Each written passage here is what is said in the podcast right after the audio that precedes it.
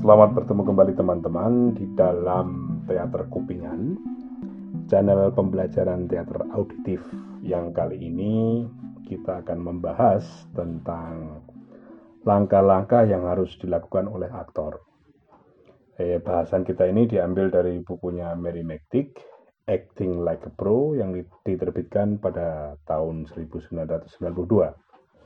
Menurut Mary McTick, eh, langkah-langkah yang harus dilakukan oleh aktor adalah pertama yaitu memorize atau menghafal dengan cepat dan tepat. Ini maksudnya ketika aktor mendapatkan naskah, dia harus segera melakukan hafalan dengan cepat dan tepat. Berikutnya, acting is action and reaction. Maksudnya adalah aktor harus paham bahwa acting itu terdiri dari aksi dan reaksi. Jadi kalau seseorang hanya berpikir tentang aksi, itu baru berpikir separuh dari acting. Kira-kira begitu. Berikutnya adalah belajar di rumah. Maksudnya, aktor harus mengembangkan pengetahuannya dengan senantiasa belajar di rumah. Misalnya membaca, menulis, melatihkan blocking, dan lain sebagainya. Berikutnya adalah berpikir.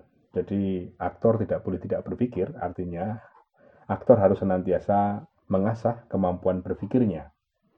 Ini sangat penting. Berikutnya adalah membaca dengan pemahaman. Ini harus dilakukan oleh para aktor, jadi membaca naskah itu harus dilakukan dengan pemahaman atau dengan tujuan untuk memahami naskah tersebut. Berikutnya, aktor mesti mau melakukan atau mencobakan hal-hal yang baru karena hal yang baru akan senantiasa membuka kemungkinan-kemungkinan dari pikiran-pikiran kita sendiri yang menyatakan tidak mungkin.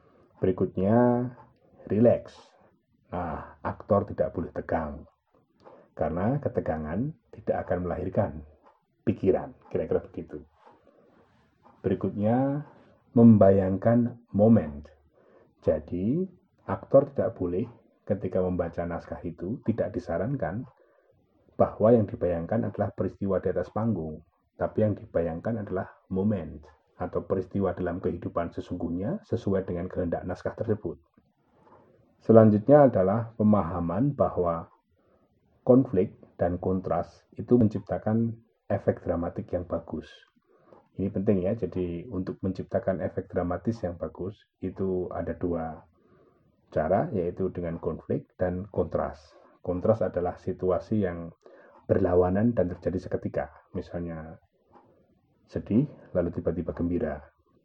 Gembira, tiba-tiba ngeri, misalnya begitu. Dan yang terakhir, yang perlu dipahami aktor adalah seorang aktor mesti menganggap semuanya secara sederhana dan mudah. Jadi, tidak perlu mempersulit diri. Keep it simple. Begitu saja. Nah, itu tadi teman-teman uh, tentang langkah-langkah yang harus dilakukan oleh aktor menurut Mary McTick dalam buku Acting Like a Pro. Terima kasih.